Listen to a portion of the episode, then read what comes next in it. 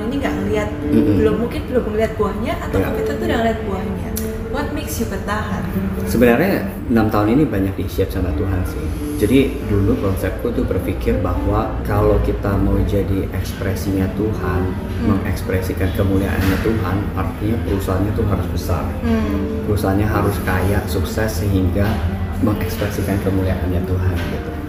Ternyata aku salah. Ternyata Tuhan justru ingin menunjukkan bahwa justru di saat kita nggak punya apa-apa dan kita masih menyembah Tuhan, itulah ekspresi kemuliaan Tuhan yang sebenarnya. Gitu. Hi so I'm here with Kopiter here from Wahyu Group hello Go Hai hai Tam, how are you doing today I'm good, thank God. Kopiter is one of the first few person who knows me before I start my business Hmm. And then I look up to you because of the way that you actually have faith in running the business. So today I'm so excited to I get to talk to you to get to know more about kenapa kok pinter mulai, Ya, bagaimana perjalanannya, uh, bagaimana bisa terus berpegang kepada Tuhan sih. Kok Peter kenapa bisa mulai Wahyu? Namanya aja tuh kayaknya sudah something banget kok. Heeh. Sebenarnya kalau saya ditanya ini punya banyak versi sih. Jadi sebenarnya kenapa mulai Wahyu karena my previous company sebelum Wahyu itu to be honest not doing really well gitu. Dan aku itu punya tanggungan for my family sebenarnya karena aku anak pertama kan. So sebenarnya aku punya tanggungan untuk supaya keluarga aku ekonominya lebih baik. My previous company ternyata aku udah bertahun-tahun kok kayak nggak ada jalan keluar. Jadi makanya kayak Tuhan aku harus mulai something new nih gitu. Tapi please give me sign kapan aku harus mulai. Karena aku juga takut mulai sesuatu yang baru apakah bisa berhasil apakah enak dengan my partners di perusahaan sebelumnya Iya. ya terus pas-pasan aku lagi baca kitab Wahyu sih Oh gitu. Bukan dari namanya dulu, tapi kepikirannya apa yang pengen dilakuin, a- apa yang mau dilakuin sih. Hmm. Jadi um, dulu tuh pengen jadi berkat buat orang banyak gitu, Hmm. terlepas segala kekuranganku ya. Jadi kayak social impact, branding, teknologi, makanan, eh tiba-tiba aku selalu cerita ini. Um, somehow aku nanya nih sama supirku, Pak Iwan udah makan belum? Gitu. Dia bilang, oh udah bos. Terus aku nanya, makan di mana Pak Iwan? Oh makan di warteg gitu. Iya. Nah pas dia ngomong warteg tuh kayak something yang kayak tek pas kayak eh warteg ya. Nah pas di jalan aku lihat tuh kayak eh warteg banyak juga ya ternyata gitu. Call ke memori aku yang pertama kali aku kerja cuma bisa makan di warteg. Kok aku lihat kayak udah belasan tahun kok warteg nggak ada perubahan gitu. Jadi makanya kenapa aku kayak Tuhan apa ini sesuatu yang aku harus kerjain ya? gitu ya. Warteg itu kecil tapi potensinya gede dan berkat warteg banyak orang-orang bisa survive karena dia serving makanan yang affordable buat semua Iya. orang gitu. Jadi kayak nah pas-pasan kan baca kitab wahyu tuh. Nah seru juga ya kalau misalnya namanya wahyu ya. Waktu itu pemikirannya revenue modelnya dari advertising bagus banget ide lo boleh deh gitu Ini investor pertama Wahyu. not even investor itu klien Hmm. jadi dari awal pun sebenarnya Wahyu udah dapat klien di sana Wow. gitu. Nah dari sana ternyata goal Iya. dapat 500 juta. Jadi kayak wow ini kayak something yang Konfirmasi banget itu. kayak ini harus dilakuin nih. Masih konsep udah dari danain. Hmm. Berjalannya waktu udah enam tahun ini dengan ups and down segala macam covid juga kok bagaimana tuh Tuhan membawa perjalanan wahyu ini dan kalau orang lihat tuh mungkin kasat mata oh sebetulnya dampak itu cuma dari dampaknya social enterprise Hmm. tapi tentu dari Kopiter tuh juga terdampak secara personal Pasti. entrepreneur Mm-mm. gitu so I wonder if you can take us to the journey berjalannya Wahyu berjalannya Kopiter gimana sih perjalanan itu Pada saat Wahyu setup berpikir bahwa udah dapet sponsor, kemudian udah mulai PD, rekrut karyawan, banyak permintaan dari para calon investor untuk meeting, banyak yang bilang ini keren. Em, akhirnya bikin jadi besar kepala waktu itu. Wah ini gue punya company namanya keren, bisnisnya bagus, didatengin banyak calon investor, bikin PD, bikin besar kepala, sampai akhirnya dicubit Tuhan juga. Dicubitnya apa? Ternyata ada investor yang akhirnya nggak jadi. Hmm. Dan waktu itu udah set up company dan lain-lainnya sih. Kayak Tuhan bilang jangan sombong loh gitu ya. Uh, you, you need me gitu. Iya. Uh, jadi waktu itu kita malah tam, my ekonomi malah tambah struggle sebenarnya. Berpikir bahwa dapat invest, bakal dapat investor akhirnya kita banyak expenses akhirnya. Yang akhirnya gak ada investor ya otomatis I need to taking care of that gitu. Iya. Jadi dan di sana baru benar-benar di shape banget sama Tuhan gitu ya. kayak uh, bahwa kita benar-benar butuh dia kalau kita mau doing everything Iya, gitu iya. kita ditunjukin kalau tanpa dia kita nggak bisa apa-apa sebenarnya wah ini harus punya uh, faith yang kuat nih karena apalagi enam tahun belakangan ini banyak banget yang terjadi kan. Pre covid pas covid post covid gitu. Jadi challenge-nya banyak banget. Dan thank God my faith itu yang jaga sampai Wahyu masih bisa bertahan sampai hari ini sih gitu. Itu aku juga alami kok sebagai entrepreneur. Dan kita mau tutup pun juga sebetulnya udah Tuhan pasti banyak banget momen. Mm-mm. udah Tuhan ini capek banget. Ya. Ke mana Tuhan breakthrough aku? Mhm. selama ini Tuhan panggil eh, aku kira di awal udah kita akan dilancarkan. Mm-mm. kalau Tuhan yang panggil disukseskan dong. Ya gitu nggak sih kok? Tapi kalau faith yang komputer itu malah kayak yaudah deh Tuhan jalanin aja. Aku udah enam tahun ini nggak ngeliat Mm-mm. belum mungkin belum ngeliat buahnya atau Ya. komputer tuh udah ngeliat buahnya bertahan sebenarnya enam tahun ini banyak di shape sama Tuhan sih jadi dulu konsepku tuh berpikir bahwa kalau kita mau jadi ekspresinya Tuhan mengekspresikan kemuliaannya Tuhan artinya perusahaannya tuh harus besar hmm. perusahaannya harus kaya, sukses sehingga mengekspresikan kemuliaannya Tuhan gitu. Ternyata aku salah. Ternyata Tuhan justru ingin menunjukkan bahwa justru di saat kita nggak punya apa-apa dan kita masih menyembah Tuhan, itulah ekspresi kemuliaan Tuhan yang sebenarnya gitu. yang berharga di mata Tuhan Di bahara dari mata Tuhan. Dulu aku berpikir bahwa wah perusahaanku ini kalau besar pasti orang-orang pasti baru melihat Tuhannya gitu. Hmm. Ternyata sekarang sebaliknya aku belajar di mana di saat masih banyak struggle tapi Ya. ternyata aku masih bisa sukacita, Ya. masih bisa damai sejahtera. Orang masih berpikir bahwa kok aku masih bisa survive dan masih memuji Tuhan di balik segala masalah yang dialami. Justrulah membuat orang malah makin penasaran gitu. Kenapa Kok sih? bisa sih? Kok bisa sih gitu dan akhirnya em, harapannya orang menjadi baru tahu bahwa oh ternyata Peter menyembah Tuhan yang hidup, Tuhan yang bisa memberi damai sejahtera itu. di balik harapan itu sendiri walaupun komputer udah di forge oleh Tuhan karakter yang diperlukan ketika tentu Tuhan memanggil Ya. ke platform atau Ya. uh, area of influence gitu kan kok apa masih ada harapan atau God like I still hope that you give me this vision I know Hmm. that you will bring that to, to me Ya. atau malah ke you're content with ini ini miracle yang setiap hari aja tuh udah miracle Yes.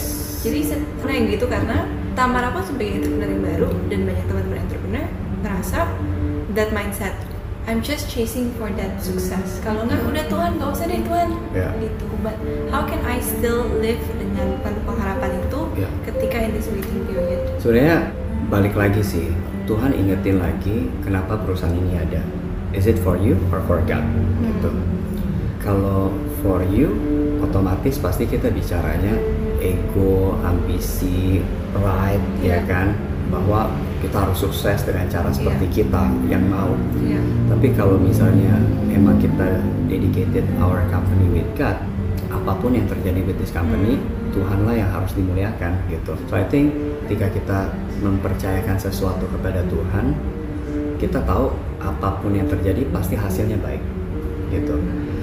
Aku selalu inget ya, ada ini kan perjalanan soal iman ya. Ada perkataan dari uh, salah satu pendeta yang udah almarhum Pak Bigman itu bilang iman yang besar dan iman yang benar gitu ya kan iman yang besar memang diperlukan tapi sebenarnya iman yang kecil pun bisa memindahkan gunung gitu Hmm. tapi iman yang benar Hmm. adalah ketika situasi tidak sesuai apa yang kita mau kita tetap memuji Tuhan. Jadi Even kalau misalnya ceritanya Abraham ya kok, Ya. uh, dia memberikan salah satu satu satunya anaknya yang udah Mhm. didoakan. ya Here Isaac aku taruh untuk dia menjadi persembahan Tuhan. Tuh, saya balikan apa yang Tuhan beri, Ya. uh, saya balikan lagi ke Tuhan. ya Tapi Tuhan honor Ya. that heart of sacrifice. true true Dan menjadi Abraham lives into the promise of Ya. becoming father of a many nation. ya Sebelum komputer jujur aku nggak percaya kayak, hah nggak di Tuhan apa bisnisnya nggak sukses jadi bagi Tuhan. Mm-mm. Baik tuh maksudnya kayak gimana? Mm. Karena Tamara nggak ngeliat kok kalau misalnya gimana Tuhan bisa di, di glorify atau Tuhan baik kalau bisnisnya tuh belum sukses atau belum fly lah kalau di mata dunia. Ya, sukses di mata dunia beda sukses di mata Tuhan kelihatannya. Kalau sukses di mata dunia, of course, dengan segala kemuliaan yang dunia bisa berikan gitu, kesuksesan dari segi materi, ketenaran gitu ya. Tapi yang kita sukses di mata Tuhan adalah apa pun yang kita lakukan itu Tuhan yang disenangkan sebenarnya. Kan kita pengennya hidup kita ya buat menyenangkan Tuhan lah ya gitu. Ya saya selalu percaya ya mau sukses di mata siapa sekarang. Gitu. Yeah. Did you ever have a hard decision that you make because of your faith? Um, yes, dan banyak karena di dalam hidup kita itu nggak cuma Tuhan yang kerja, tapi Satan juga kerja gitu ya. Banyak banget serangnya lewat banyak banget gitu, lewat situasi di luar gitu ya, sama di dalam. Di dalam itu biasanya lewat pikiran gitu ya, lewat emosi.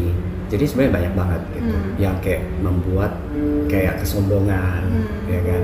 Iri, iri comparison, ya iya. kan kayak jealousy gitu Uh, banyak hal sih tam yang kayak apalagi as entrepreneur lewat pikiran-pikiran jahat lewat emosi lewat um, ketidaksabaran Hmm. lewat kecemburuan Hmm. um, kok orang dunia bisa lebih sukses dari orang Hmm. beli nyampe uh, nyampe kantor juga lihat banyak hal yang mungkin uh, bikin kita emosi juga gitu jadi sebenarnya di testingnya nggak selalu hal-hal besar sebenarnya gitu Betul, ya. di tesnya bahkan dari hal-hal kecil apakah kita setia sebenarnya gitu Hmm. Itu yang memang di mata Tuhan itu besar. Hmm. Tapi yang di mata dunia tuh kelihatannya it doesn't matter if you're a good boss. Yang Yeah. penting perusahaannya tuh revenue-nya mungkin 10 million a year. ya ya maybe. Um, what I was gonna say is um, we were speaking about ujian. Mm. How do you become having that fire in you? Hmm. Itu iblis tuh nggak membuat kita Ya. untuk melenceng jauh. Kita disuruh jual alkohol gitu enggak. betul ya ya ya ya It's actually you become building your own kingdom tapi Yeah. without God. ya Which is lama-lama menjadi melenceng jadi Betul. jadi udah Tuhannya cuma jadi second aja Tuhan cuma buat nama aja. ya ya Tapi kan melekat dengan Tuhan ya di mana Koko udah dikasih posisi di atas. Hmm. Koko mau ngapain di belakang, it's okay. Yeah, I yeah. have my already good works. ya ya Accountabilitas atau habit-habit seperti apa yang Koko terbangun. Tadi dan kita harus selalu melekat sama dia sebagai pokoknya. Kalau kita nggak melekat dengan pokok anggur itu, kan kita ranting-rantingnya ya. Pasti rantingnya bakal kering. Pasti rantingnya bakal mati sebenarnya. Jadi kalau misalnya ditanya caranya gimana? As simple as kita menempel sama si pokok anggur itu. Nah, tapi begitu kita menempel, otomatis zat hara dari pokok anggur itu kan ngalir ke Hmm. ranting-rantingnya. Hmm. So itu yang sebenarnya mengubah kita gitu. Hmm. Yang kita perluin sebenarnya kita harus nempel sama si pokok anggur every day, ya kan. Sedikit demi sedikit zat haranya itu Masuk. mengganti kita masuk gantiin kita yang lama, masuk gantiin kita yang lama every single day. Karena proses itu kan karena it- semua butuh proses. Gak mungkin tiba-tiba ikut Tuhan terus langsung wah gitu ya. Um, tapi proses. Nah, yang paling penting adalah setia sama prosesnya, Hmm. setia sama nempel terus. Udah. Kamu nggak akan sadar kalau misalnya setahun yang lalu kamu udah berubah menjadi Tamar yang berbeda karena kamu setiap hari setia. Gitu. Kok Tamar yang sana kok kayak lebih sabar ya? Gitu. Beda sama Tamar yang setahun yang lalu kayaknya eh, gampang marah-marah ya gitu. Kok kayaknya eh, Tamar yang sekarang kok penuh dengan sukacita ya? Kenapa? Atau yang sebaliknya kok, karena nggak diisi gitu Nah, kan. atau enggak sebaliknya karena di situ kok kayaknya merasa kok ada yang kering ya, kok kayaknya ada yang kosong ya, Iya. kok kayaknya mer- karena kita nggak nempel gitu Iya. bisa jadi. Iya. Kok Peter, there's a saying you work with God, not for God. Kalau for God nggak perlu nempel pun Hmm. nggak masalah. Hmm, Kalau with God itu yang membuat burden kita tuh light. betul. Aku betul. ketemu Ko Peter. Hmm, You're one of the few people. Oh bisnisnya, iya nggak pernah loh kok. Hmm. Koko bilang bisnisnya oke-oke aja. eh, Maksudnya challenge tentu pasti ada. betul. Tapi never I see you complain or stay stuck gitu. You Hmm. always have a joyful attitude. Hmm. gitu.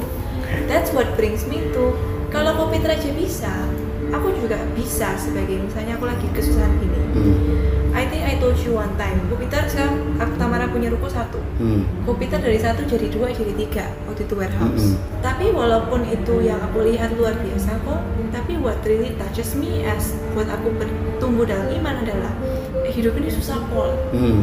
Untuk aku ya apa ya bisa dapat uh, sukacita yang dalam itu Mm-mm. mungkin yang kadang orang nggak lihat atau yang kadang aku juga nggak lihat kok adalah buah apa yang orang lain bisa lihat Hmm, dari betul. bahkan mungkin dari your employees, Yeah. your team, your partner, your investor. Ya, Because what people harus bayangin, oh sukses story seperti ini toh Yeah. di mana Tuhan. sebenarnya gini hal di mana, eh jangan berhenti muji Tuhan kalau masih belum dapat terangnya Tuhan nih. Jangan berhenti baca Alkitab kalau masih belum dapat Tuhan mau ngomong apa gitu. Karena kita ini hidup di zaman yang gelap kan. Hmm. Kita butuh terang gitu. Dan terang itu yang bisa kita dapatkan ya cuma dari Tuhan gitu. Jadi kita kayak ngejar Tuhan karena kayak kita merasa bahwa Tuhan ini sort of kayak pengabul doa sini Iya, ya, ya kan Pas sama ini. iya sini ya benar iya benar juga ya Ya, aku pengen balikin sedikit kok ke about building an enter- enterprise. Yang Ko Peter bilang adalah mengenai the culture of our own heart. Hmm, Kalau yang hati kita sendiri udah diisi dengan visi yang kejar-kejaran seperti dunia, Iya, iya. dengan rasa gue pengen menjadi seseorang, egonya tinggi, it will show in the way that we lead our team. true Oke, lu nggak perform, gue pecat aja. hmm, Oh, lu kayak gini aja belum bisa gitu. Gimana sih, Dadadadad, gitu kan? hmm, Wah, gue mengecewakan kayak investor, like, oh no, like ke- rasa kecil, atau Iya. malah jadi egonya tinggi ya dibanding dengan kalau misalnya memang hati kita diisi dengan ini karena kebaikan Tuhan dan Tuhan sudah berikan kita sebagai hambanya ya ya. anak-anaknya dia bahwa I get to do this. This enterprise menjadi vehicle untuk menjadi berkat, untuk orang. Yes yes. Di situ di mana oke Tuhan hari ini Tuhan mau pakai menjadi apa? Kita tuh seperti apa ya? Bukan owner tapi Hmm. steward ya manager. Ya dan aku bisa kerasa sih kok itu bisa lebih ringan bagaimana cara kita mengikuti bisnis Yes, betul. Jadi tadi kamu bilang steward, pelayan ya berarti Iya, ya. iya. Ya Tuhan aja datang ke dunia untuk melayani bukan dilayani kan gitu. Dan itu sangat apa ya relate juga kita as an entrepreneur, faith driven entrepreneur lah ya Hmm, gitu. iya. Beda dengan biasanya harusnya gitu di mana kita justru jadi bos harus jadi teladan. Kita as leader justru harus yang melayani gitu itu yang emang aku terapin di Wahyu. Jadi menurut aku padahal itu normal ya. Contoh misalnya kayak as simple as as simple as aku ikut nyapu pel. Padahal buat itu kita, aneh banget buat aku sih biasa. Tapi buat orang lain kok aneh banget. Eh lu bos bos nggak boleh ini. So buat aku sih biasa. Kenapa? Hmm. Kita kan sama-sama Hmm. gitu. Em, cuma masalah posisi dan title aja. Hmm. tapi masalah attitude harus jaga kebersihan harus sama-sama support tanggung jawab dan lain-lain. Itu kan masalah karakter yang memang eh, kita hidupin setiap hari gitu. Em, terus ya banyak lah gitu ya yang kayak mungkin orang-orang dunia merasa aneh gitu ya. Buat staff aja aneh gitu. Buat staff aja aneh gitu. Tapi justru akhirnya jadi people respect kali ya gitu ya karena itu ya belajar rendah hati kan? Iya. Tuhan kan selalu bilang kita untuk selalu belajar rendah hati ya. Iya. itu sesuatu yang memang kita harus hidup rendah hati gitu. Dan itu yang mungkin bikin beda di saat orang dunia berusaha mencari nama berusaha untuk ditinggikan berusaha untuk dimuliakan gitu. Tapi kita orang-orang Kristen kan justru Tuhan minta kita rendah hati belajar melayani Ehm, dan akhirnya orang melihat kita berbeda dan orang respect Tuhan kita gitu akhirnya ingat ada satu cerita aku pernah uh, baca dia dokter dipanggil jadi misionaris di Afrika Hmm. awalnya orang Eropa toh uh, datang ke uh, benua ini memang kekurangan dokter begitu dia datang uh, pasiennya banyak banget kok Hmm. setiap hari dia melayani of course at the end of the day capek banget loh pasti capek drain lah ya Uh, one day ada pasien yang ngomong apa dia marah kelewatan marahnya Hmm. ngebanting barang Hmm. terus dia uh, dipanggil sama asistennya keluar Hmm. hey you know ini untuk pelayanan you can go back home to your country because we Hmm. don't need another doctor ya we actually need a representation of God Enggak. Hmm. Wow. the fact that entrepreneur itu banyak kok Betul. tapi apa yang membedakan kita ya adalah tadi itu Attitude. attitude melayani Attitude, ya, yes ya, ya. Orang selalu bilang bahwa kita ini Alkitab berjalan. hmm. Mimbar kita tuh bukan di atas panggung. ya Jadi mimbar kita ya keseharian hidup kita sebenarnya. ya Jadi kalau misalnya ditanya, kita tuh jadi orang Kristen tuh bukan cuma sekedar dua jam pas kebaktian gitu Hmm.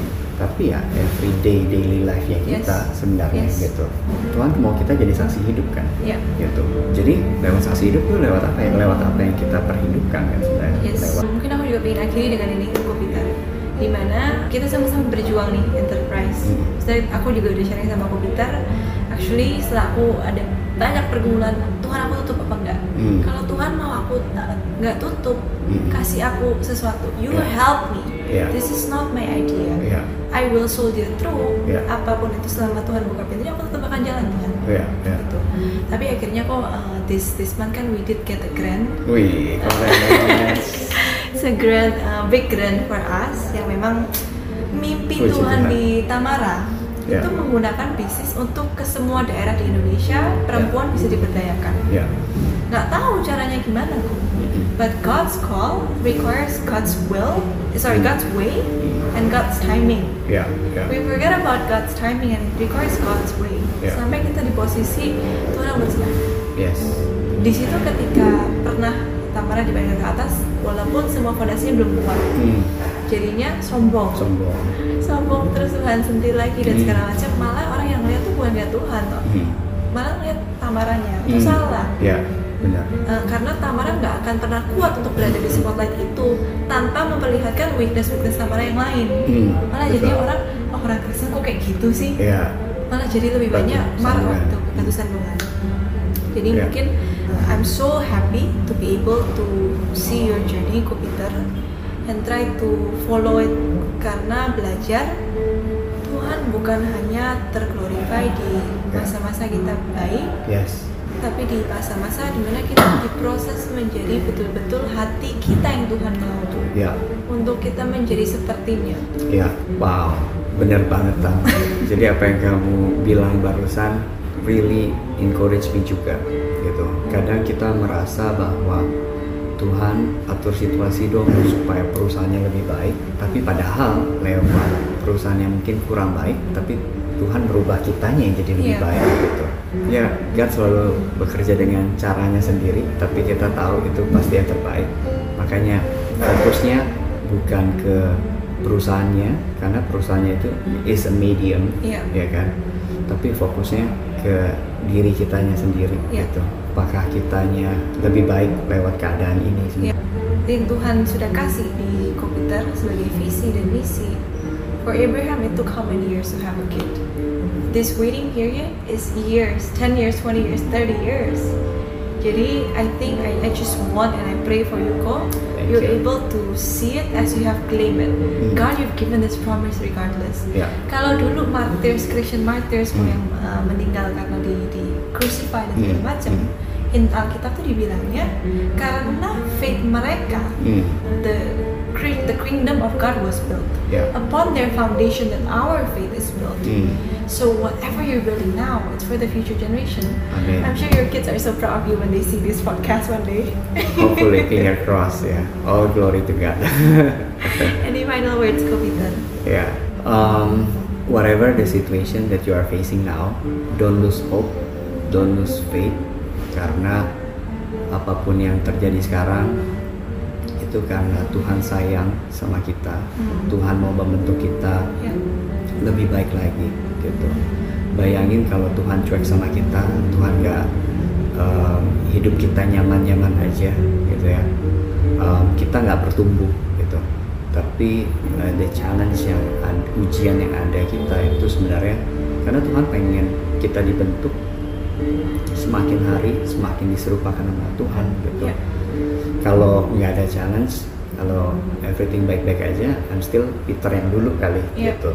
Ya. Tapi challenge itu yang akhirnya bikin kita uh, nempel sama Tuhan, mau nggak mau bersandar sama Tuhan, semakin uh, diisi sama Tuhan yang buat kita Tuhan kan maunya kita makin mirip sama Dia sebenarnya. Gitu. Yep. So apa pun kondisi kalian tetap nempel sama pokok anggur itu. Amin. Thank you Kopita waktunya. Thank Very you. grateful. Very grateful juga. All the best for. Wahyu. Amin. Sekarang kita lagi di Ajaib Chicken Ajaib Chicken. Yes. di Sorrento, Garing Serpong. Garing Serpong. Hmm. Jadi nanti teman-teman bisa ke sini, enjoy the food, it's amazing Yes. food. Support Go Peters punya mission juga. Yeah. Um, and see you next time. Thank you. Bye. God bless.